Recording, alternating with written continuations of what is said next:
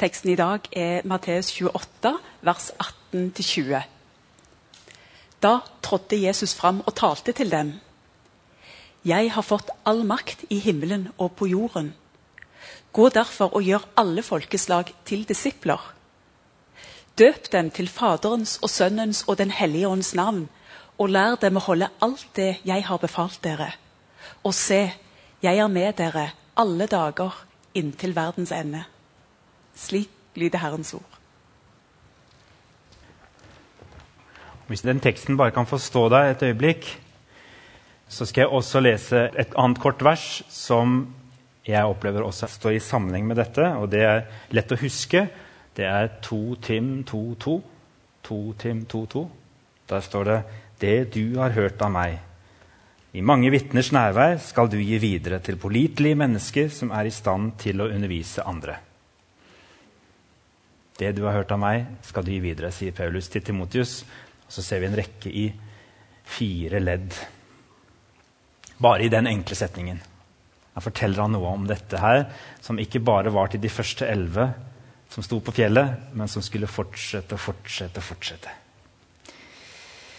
Det skal handle litt om innflytelse i dag. Og, eller om dette moderne ordet 'influenser', som eh, vi nesten ikke helt vet hvordan vi skal skrive. Skal vi skrive det med S eller skal vi skrive det med C? Et sånt ord som sniker seg inn i språket, og som spesielt de unge har full kontroll på hva det betyr. For det å være influenser i dag det, det, kan være meget innbringende. Hvis man er vellykket, så kan man dra inn 8 millioner i året leste jeg i dag, på den, en av de mest uh, kjente som, uh, som, vi hører mye om, og som ungdommene følger. Mange av de. Men vi har også andre typer influensere som ikke er så ute etter store penger, og som kanskje heller ikke er interessert i en nasjonal rolle. Og Noen av dere har hørt meg snakke om disse før. Jeg vil fortelle dere om dem nå. Og jeg har valgt å kalle dem for uh, Alfa, Bravo Charlie, oppkalt etter det fonetiske alfabetet.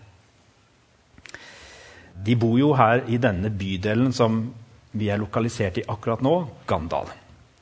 Som vi får lov til å ta utgangspunkt i når vi tjener byen vår og helt til verdens ender. Jeg begynner med Bravo i midten. Bravo han er snart 21 år. Han er en influenser. Ikke en sånn en som er så veldig opptatt av berømmelse nasjonalt, men, men han er opptatt av ungdommene han har rundt seg her i bydelen. Men han har nå riktignok sammen med noen av disse andre flotte ungdommene starta en podkast som heter Drøsen, nede på kontoret vårt, som møtes hver tirsdag kveld og snakker inn en på en måte en podkast som handler om alt mulig rart i løpet av en 45 eh, minutter, times tid. Men så smetter de inn litt om kristen tro og de etiske retningslinjer de opplever at de skal ha som forbilde. Fantastisk. Og det er mange som følger med. Og så har de nettopp kommet med denne sommerlåta som vi fikk høre før i dag. Det er jo litt sånne influensetakter, er det ikke det? Men det sier bare veldig lite om hvordan egentlig Bravo, som jeg snakker om nå, jobber. Blir dere med på et møte eh, i familiekirka i kveld, kan han si, fordi han har mye tilhold der, selv om han vokste opp i Ebenezer. Og da dukker meg opp kanskje en, flere titalls ungdommer fordi det er Bravo som sier det. Det er å være en influenser. Eller han sier eh, det skal kveldsmøte på Salem i kveld. Jeg skal si et par ord. Kommer dere og blir med? Og så dukker det opp en hel flokk. Jeg var vitne til at plutselig så var det 25 stykker bak i Salem fordi han, han skulle fram og ha et lite vitnesbyrd. han bare sa 'jeg blir dere med', eller 'jeg skal holde et vitnesbyrd'.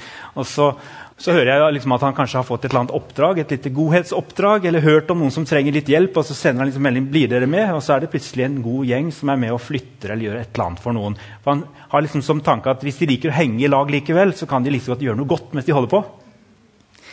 Bravo er ikke en stortaler enda. Han kunne nok gjerne ha blitt det en gang hvis han vil, men han er god på smalltalk. Og spesielt god på å snakke om viktige ting i sånne smalltalks. Så det, det, kan gjerne være at han da plukker opp Bibelen, sånn som han gjorde på en konfirmantleir for noen år siden. Og Da var det i møte med Charlie, som er noen år yngre. Charlie hadde null motivasjon for å være konfirmant. og Dette var en periode da han hadde det ganske tungt i livet. Og vi merka at det var ikke mulig å nå inn til han. Men Bravo han nådde inn. Og plutselig så fikk han en innskytelse. Gå og les Jesaja 53. Ja vel. Så står han opp og leser Jesaja 53 sammen. Og så skjer det bare et eller annet sånn som bare av og til skjer ved Den hellige ånd. At Jesus kom Charlie i møte i Jesaja 53, denne 14-15-åringen. Og så skjer det noe sånn radikalt i ham. Så sier han dette må jeg ha. Og så spør han hva skal til, og så ber de en enkel bønn, og så tar han imot Jesus. Og siden har Charlie hengt på Bravo. Og han er nå en av de nye flotte konfirmantlederne vi skal ha med til Danmark i sommer. Og Det skjedde fordi Bravo fulgte sin innskytelse. Charlie han har også fått sine venner i dette disippelalfabetet. Delta, Echo og Foxtrot skal han bry seg ekstra om, for det er sånn disse holder på. Men Bravo han var aldri alene. Bak Bravo har det i mange år stått en jeg kaller alfa. Alfa er en litt annen type. Han har ikke så stort nettverk som Bravo. Og Alfa er voksen. Men Alfa han har kjent Bravo siden han var ti år. Og allerede da så bestemte Alfa seg for at han her vil jeg følge litt ekstra godt med på. Bravo hadde aldri vært den han er uten en alfa, sier han. Han har også flere rundt seg, men peker særlig på denne. Da Bravo var konfirmant hos oss, ja, da var han mest opptatt av jenter og gaming. Og jeg må bare få understreke at jeg håper han fortsatt er det. Eh, for det kan være fint. Men det som er mitt inntrykk av når han tok imot Jesus, så inviterer han Jesus med seg inn i alle sider av livet sitt. Og det gjør han på en nydelig måte, denne Bravo. Alfa han er ganske introvert, altså han som står bak Bravo. Han, han, fokuserer på noen få. Han går dypt. Bravo er ekstrovert. Han fokuserer bredt. Han når mange. Ser dere hvordan Jesus bruker vår forskjellighet? Og Jeg skal love dere at uh, ikke bare Alfa, men noen andre sånne A-er har brukt ganske mye tid på noen få. Noen ganger så treffer man på noen som på en måte plutselig får det til å eksplodere. Det vet vi ikke alltid på forhånd, men det er noen som jobber trofast med noen få. Pga. Alfa, Bravo, Charlie, Delta, Ekko og Foxtrot så ser vi nå kanskje tegn til en slags bevegelse på tvers av forsamlinger i bydelen her. Det jeg kaller for en influensaepidemi. Smittebærer for Jesus' godhet og ekte livsglede. Og Da jeg snakket med min venn Alfa for noen dager siden, så ba han meg understreke at han også har noen i ryggen sin. Det har han hatt hele veien, og det er han veldig takknemlig for. De aller færreste skal stå på en scene og tjene i Guds rike. Det ville blitt fryktelig ensformig. Og de aller færreste skal ha tusenvis av følgere på sosiale medier eller podkaster. Og så har jeg en liten hemmelighet da, å dele med dere. Å stå på en scene er det minst viktige vi er kalt til Guds rike. Jeg holder på med noe av det minst viktige i Guds rike. Men alle vi som er her, kan være kalt til å følge én, to eller tre, sånn som Alfa gjør, av de han har rundt seg. Og se seg ut noen som vi skal gi litt ekstra hjertet vårt til. Jeg tror ingen av oss kan si at ikke vi har det kallet i livet.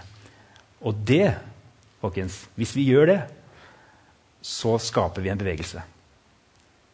For det er ikke så spesielt, egentlig, det Alfa har gjort. Det er bare at han har gjort det, mens mange av oss andre har glemt oss ut litt. For Det går an å ha senkede skuldre og tenke at det er Jesus som har ansvaret. Og det er det. Det er han som frelser mennesker. Det går an å si at misjonsbefalingen den er det Jesus som kalte til, og det er han som har all makt i himmel og på jord. Og det går an å advare mot at vi mennesker får for mye på våre skuldre og bærer mer enn det vi skal. Alt det der er vel og bra. Men det går ikke an å løpe fra misjonsoppdraget til de elleve første disiplene og si at det gjelder ikke oss. At det var bare de elleve apostlene. Og så er vi ferdig med det. Det skal gå videre. Fra slektledd til slektledd.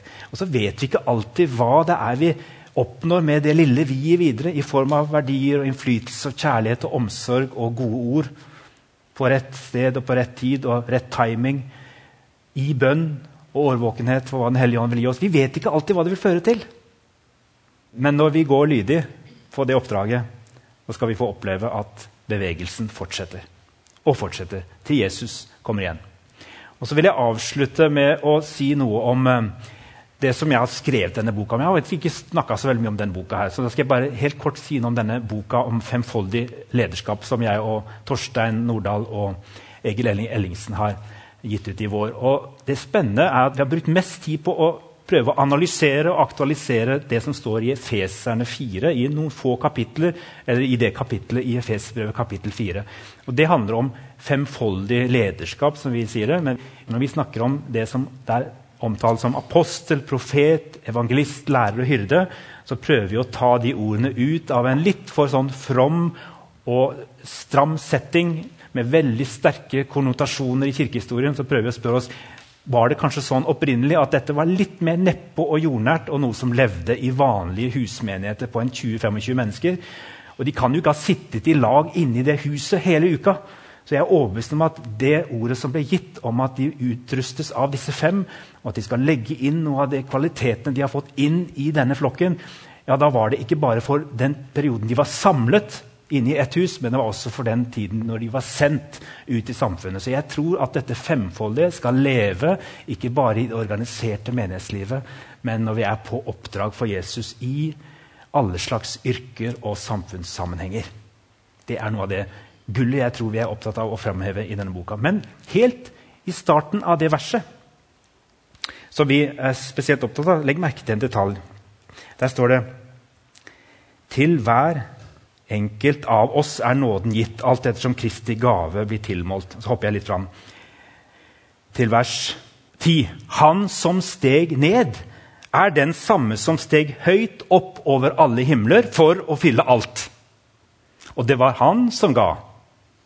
Noen til å være apostler, noen til profeter, noen til evangelister, noen til hyrder og lærere, for å utruste de hellige, gi det videre og skape nye av det samme karakter så Kristi kropp kan bygges opp inntil vi alle når fram til enheten i troen på Guds sønn og i kjennskapet til ham og blir det modne mennesket som er fullvoksen og har hele Kristi fylde. Dere merket Starten der det er en referanse til misjonsbefalingen.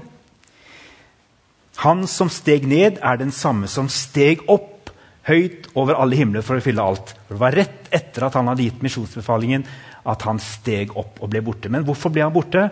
Jo, fordi at han skulle gi sin kraft og sin myndighet og sitt mandat til disse elleve. Og så skulle de elleve sammen være Kristi kropp. Og så skulle de gi sitt eget, og nærmest gi sin egen Kristus inn i nye mennesker ved Den hellige ånds kraft. Og sånn skulle kirka bygges og ledes videre. Og så Når Paulus skal på en måte finne ut av hva dette betyr nå, etter noen år, når vi skal finne ut hvordan strukturerer vi dette her, så tar han utgangspunkt i misjonsoppdraget. helt overbevist om, Og så sier han noe om hvordan dette skal skje. Jeg vet ikke om jeg fikk en åpenbaring, sånn, om det var en profetisk åpenbaring, eller om det var en evangelists iherdig, kreative måte å prøve å formidle budskap på en ny måte på. Det får dere være med å, vurdere. Men for et par år siden så sprang jeg opp og ned på et fjell som heter Naso. Det er en sånn, sånn karitur som tar en halvannen time, men den er fin å jogge opp og ned igjen. Man kan gjerne være sammen med noen. Det er ved Moi sentrum. Så når du kommer opp på fjellet, så ser du ned, så ser du Moi sentrum, og så ser du Lundevannet. Og På vei opp dit og på vei ned igjen, for jeg satt og skrev og noterte, så datt det plutselig inn i meg at men her har vi jo disse fem grunntypene av lederskap i misjonsoppdraget. Er det ikke sånn kanskje at Jesus har tenkt i sin visdom at når han gir dette nå til de elleve, så skal ikke alle forvalte alle deler av misjonsoppdraget like mye til enhver tid? For da fant jeg ut at det kan hende at dette her henger sammen. Litt sånn som jeg tenker det femfoldige. Gå, sier Jesus til apostlene i flokken, de som har vågemotet til å bryte opp og lede disiplene på nye veier og holde dem i stadig bevegelse mot ukjente steder, som ikke slipper målet og helheten av syne, som er bærer av en hellig uro. Videre, stadig videre. Noen av dere kjenner på at dere har denne uroen. Og dere er gjerne i, først i linja når, når, det kommer nye ideer og ting vi skal gå videre med. Eller dere er faktisk de som kommer med ideene og kommer på kontoret og snakker med meg om det. Noen av dere har denne uroen i dere, og dere har kanskje noe apostolisk nedlagt i dere. Og Den lever dere ut både i menigheten og kanskje også på arbeidsplassen deres. Men vær bevisst på at dere har fått dette som Guds barn og i Guds skapninger, og leve det ut. Gjør alle folkeslag til disipler, sier han til evangelistene. De som har særlig kommunikative evner i møte med nye. De som vet å være jøde for jøder og greker for greker. De som trives med å bygge relasjoner til alle slags mennesker og invitere dem inn i bevegelsen. Det er noen som er litt mer sånn influensertyper, som har et bredt nettverk, som kan snakke med mange og snakke på forskjellige måter med mange slags forskjellige typer mennesker. Og de fins i små grupper, og de fins i store grupper. De fins på små arbeidsplasser, og de fins i nasjonalt format. I det dere døper dem til Faderens, Sønnens og Den hellige ånds navn, sier han til hyrdene. Og Da oppsummerer han en sentral del av oppdraget med å anerkjenne og innlemme de nye på veien, gi dem identitet, næring, bygge tilhørighet og et forsonet fellesskap. Det er alle disse menneskene som det er ganske mange av i bymenigheten. Mange hyrder som vet å ta vare på mennesker, se dem, inkludere dem, vise omsorg. Og det skjer ikke minst i de små fellesskapene. Det er mange hyrder, heldigvis. Men vit at dere har den utrustningen. da. Og så har dere andre muskler òg som dere bruker.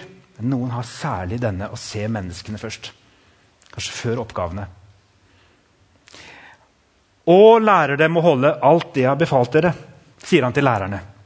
Tradisjonsbærerne, de grundige, de som gis oppdraget med å bevare. og Det betyr å, på latin 'konservere'. Konservativ, kanskje. Jo, for det er viktig å bevare, sier læreren. Eller også som får oppdraget å overføre. Da har vi ordet 'tradere', som er å overføre, få tradisjonen til å gå videre fra ledd til ledd. Det er de sannhetene og de trospraksisene som Jesus har lært sine disipler. Og Det var så viktig at man ikke liksom bare tok lett inn på det å, å, springe videre med ordet. Det var også noen som skulle forankre og sørge for at det var det hele Guds ord som ble lagt inn i menneskene. Og Derfor så trenger vi lærerne som er opptatt av det. Og se, sier Jesus, jeg er med dere alle dager inntil verdens ende. Da profeterer han. Og da gjør han det som profetene skal gjøre til alle tider. Og Det er å hjelpe oss å løfte blikket, for nå blir Jesus borte for øynene deres. Og da begynner det å bli vanskelig. Når vi ikke ser Jesus foran øynene så lenge, så må vi ha noen profeter iblant oss som ser. Og som ser langt, og som ser tydelig, og som kan si 'Han er her'. Og Noen ganger så er det helt vanlige mennesker som ikke vet om de er profeter engang. Som bare står her oppe og sier, som en sa her for et par uker siden 'Ikke bombesikker på at han er her'. Noen ganger så trenger vi noen som løfter blikket vårt og ser det som ikke vi alle andre ser. Og Hvis ikke vi har de blant oss, så mister vi en dimensjon. Se, jeg er med dere alle dager så lenge verden står, profeterer Jesus, og gir profetene, seerne i flokken, et særlig ansvar for å løfte og feste blikket på det som ikke er umiddelbart synlig for øyet. Selv om Jesus om et øyeblikk skal skjules for dem, så skal profetene bruke sitt klarsyn til stadig å minne om Jesu guddommelige nærvær og kraft midt iblant oss, til trøst, oppmuntring og formaning. Og Det med formaning det hører også med, men det skal skje på riktig måte. Men vi trenger også noen som kan være litt ekstra tydelige, og som ikke er så bekymra for at vi blir støtt. Så hvis du er en av de som kjenner at ja, jeg har egentlig litt lyst til å si det litt tydeligere enn Vidar ofte gjør det, jeg syns det blir litt slapt av og til, og jeg syns det blir for rundt i kantene. Og jeg syns kanskje at nå må vi kalle en spade for en spade. Og, og, noen ganger så lurer jeg faktisk på om han tror på Gud. Altså Det blir litt sånn mye tvil. og Det var jo noen i, i disippelflokken som tvilte når oppdraget ble gitt. Men det var noen som ikke tvilte, og som sprang derfra, og som sørget for at alle hadde lyset tent hele tiden. Så hadde de dårlige dager òg. Men profeter, dere, det trenger vi. Og de fins iblant oss. Det er ikke bare 'så sier Herren', tror jeg. Men det er oppmuntringens og formaningens nådegave til å si her. Her er det. Ikke glem det. Han er midt iblant oss. Skal vi be? Kjære himmelske Far. Jeg takker deg for at du sendte oss Jesus. Og så Raimond minte oss om her tidligere i dag, for at du sendte oss Jesus sånn at du ser bare Jesus. At du ser oss gjennom den Jesus er, det han har gjort for oss, og det han fortsetter å gjøre gjennom oss. Og hjelp oss til å finne vår plass i misjonsoppdraget. For liten og stor. Og til å gi det videre. Amen.